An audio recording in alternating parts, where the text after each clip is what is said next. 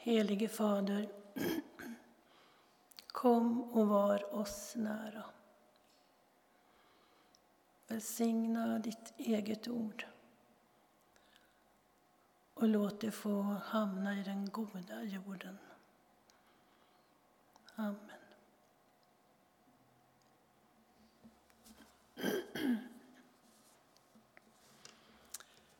Har du brottats med Gud någon gång?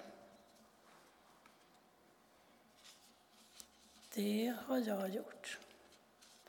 I Första Mosebok så berättas om Jakob som brottades med Gud. Han hade en kamp, en nattlig kamp med en man, står och efteråt så fick han höra att det var Gud han hade brottats med.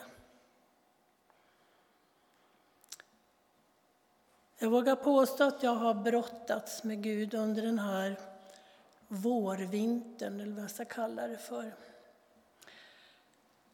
Och då vill jag påpeka att det finns olika nivåer på de här brottningskamperna. Jag jämställer mig inte med Jakob, men det finns andra kamper också. Min brottningskamp det handlade bland annat om hur jag kan stå här idag. Hur kan jag ställa mig här och predika, som det heter, i en sån orolig tid som vi lever i? Vad har jag att ge? Vad kan jag ge dig som hjälper dig till tröst och uppbyggelse? Det är en fråga jag har ställt mig många gånger och som har gjort att jag har tvekat inför det här. Men det finns allvarligare frågor och det är hur kan jag tro på en Gud när det sker allt detta som sker ute i världen, när det händer? Hur får jag ihop det med min tro? Den frågan har skakat om mig många gånger under våren och det kanske du också har upplevt när vi ser varenda dag vad som händer och vi förstår inte och vi kan inte förstå. Vi kan inte ta det till oss. Hur kan jag tro på Gud mitt uppe i alltihopa? Det blev väldigt allvarligt för mig det här.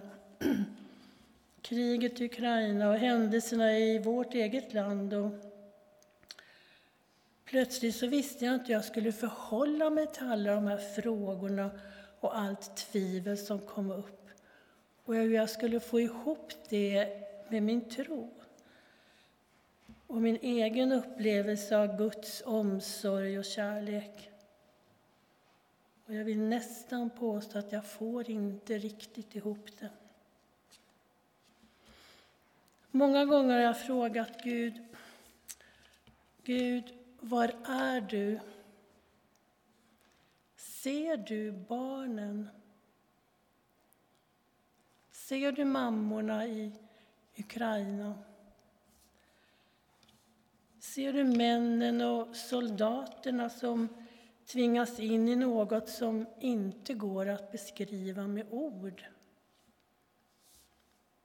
Gud, varför gör du inget? Men vem är jag som ifrågasätter Gud? Kan jag göra det? Har jag rätt att göra det? Oron och kampen växer. Men trots oron inom mig så är jag trygg i just detta. Jag vet att jag får göra det. Ifrågasätta, fråga och fundera, för jag är en människa. Och måste kunna få göra det i mitt sökande efter Gud för att mogna och växa och möta livet med den tro jag har. Jag vet att det står i Bibeln att det ska bli så här. Mer eller mindre har det alltid varit krig och olika svårigheter och jag får nöja mig med att konstatera det. Jo, jag vet det. Men nu frågar jag mig så här. Plötsligt kommer kriget så nära, det är inte så långt ifrån mitt lands gränser. Och då kände jag mig hotad och många runt omkring mig. Och det är det som ger mig kampen. Afrika, Asien och alla andra länder där det är mycket krig, de ligger så långt bort. De påverkar oss inte på samma sätt. Vi kan hålla det på avstånd och liksom titta på. Och då måste jag fråga mig, är det så här jag fungerar som människa? Är det så jag tänker?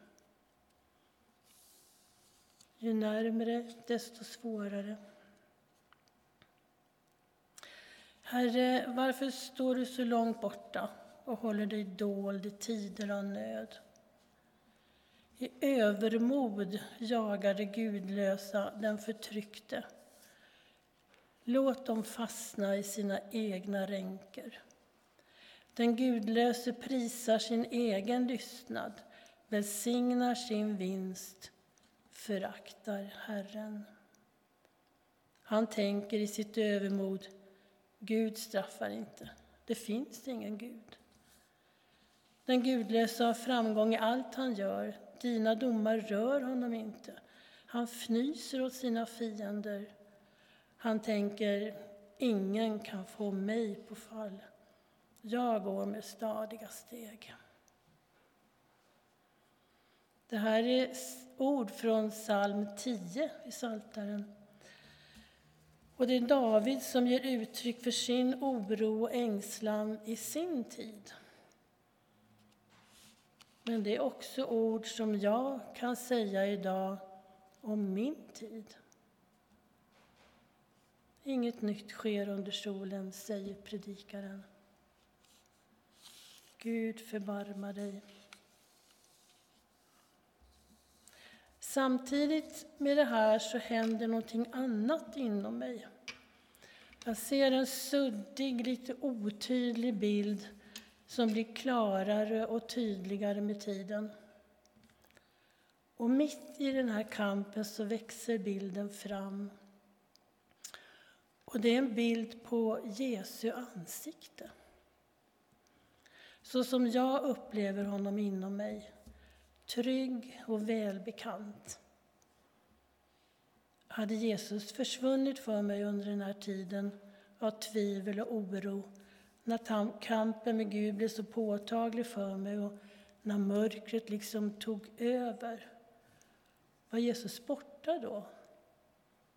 Nej, någonstans bland alla skuggorna står han. Eller kanske för att tala i nutid, Gud gömmer sig bakom en björk. Men jag frågar mig som David, Herre, varför står du så långt borta och håller dig dold i tider av nöd? Men samtidigt så sjunger en annan psalmist. Jag ser upp mot bergen, varifrån ska jag få hjälp? Den för honom naturliga frågan har även ett naturligt, självklart svar för honom. Hjälpen kommer från Herren som har gjort himmel och jord. Jag tar till mig det budskapet som jag tror att bilden med Jesu ansikte vill ge mig. Lyft din blick och se på mig. Låt ditt fokus hamna hos mig. Jag ser dig och finns för dig.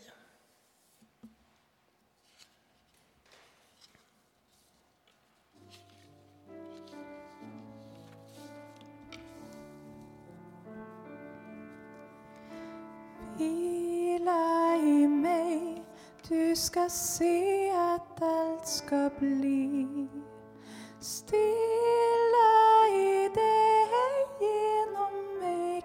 du bli fri.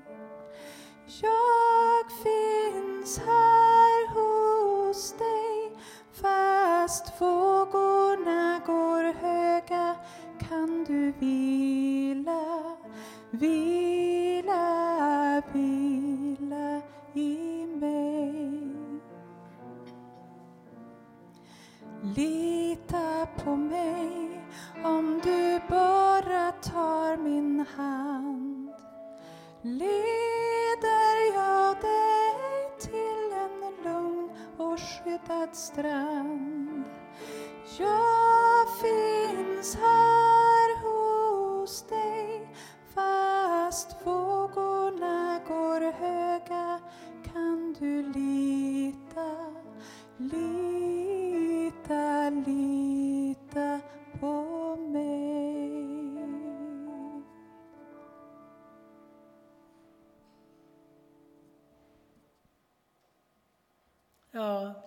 inte. Men när verkligheten runt omkring mig förändras och förmörkas är det lätt att det mörka skymmer, tar över. Men det är inte så Jesus vill att det ska vara. Vila i mig och lita på mig. Lyft din blick och se på mig och låt ditt fokus hamna på mig. Det är Jesu hälsning idag till dig och till mig. Och alltihop är ju uppmaningar som jag själv väljer att göra om jag vill ha en förändring. Ingen kan lyfta min blick från det jobbiga utan jag måste bestämma själv och se åt ett annat håll. Det är bara jag som kan bestämma mig för att vila i Gud och lita på honom. Jag behöver lyfta blicken och se på honom. Det är inte så att vi som kristna ska hålla oss undan med Jesus utan när jag känner att jag håller på att tappa fotfästet, vilket är lätt att göra i den värld vi lever i idag, så måste jag se det och försöka hitta tillbaka och återta tryggheten. Vi lever i världen, men inte av världen. Bli stilla och besinna att jag är Gud. Mig är given all makt i himlen och på jorden. Känn ingen oro. Tro på mig och tro. Tro på Gud och tro på mig. En av de finaste bilderna jag har av Jesus tillsammans med en lärjunge det är från översteprästens gård vid påskhögtiden. Det var oroligt, lite upprorsstämning och människorna står runt kolelden för att värma sig och få ljus. Försöka förstå vad som hade hänt under dagen när de hade tagit Jesus. Men också få del av den gemenskap som kanske fanns där och höra vad de andra hade att säga. Samtalet, informationen var intressant och viktig.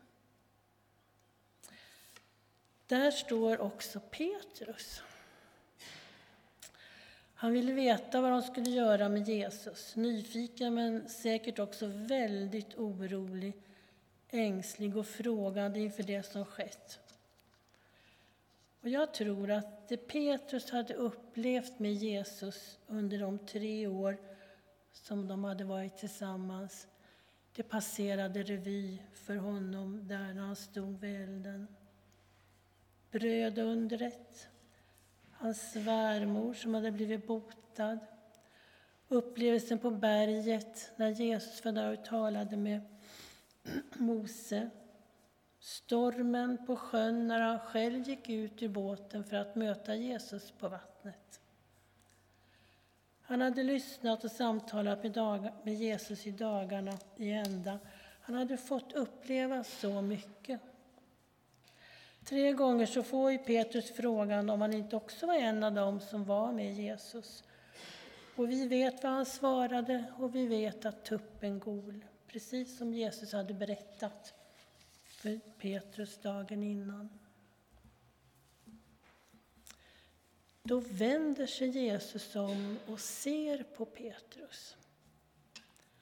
Och det är det här ögonblicket som blir så stort för mig. Han vänder sig om och ser på Petrus. Petrus orkar i all sin oro ändå lyfta blicken och se på Jesus och deras blickar möts. Mitt i sin egen kamp så ser Jesus på sin lärjunge i hans kamp. Och jag tror att något händer på djupet hos båda två.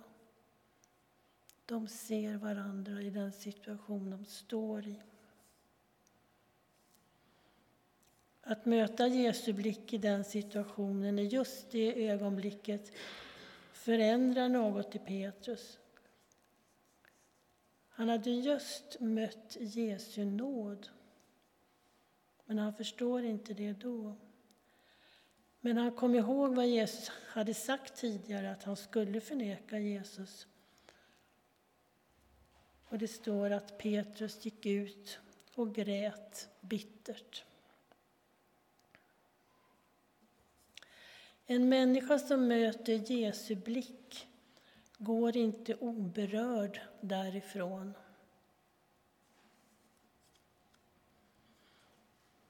När vi känner att vi inte orkar, när det har blivit fel, när vi tycker att vi har svikit eller förnekat, så är det ändå inte kört. Jesu blick mot Petrus finns också för dig och för mig. Och den fortsätter att säga jag förstår dig. Jag förlåter dig. Jag upprättar dig och vill fortsätta att leva med dig. Alltså Guds nåd och barmhärtighet. En hälsning till dig. Förbli i mig, så förblir jag i er. Låt mig få omsluta er på alla sidor och hålla er i min hand. Och jag leder er som går bedjande fram. Frid lämnar jag kvar åt er. Min frid ger jag er. Känn ingen oro och tappa inte modet. Amen.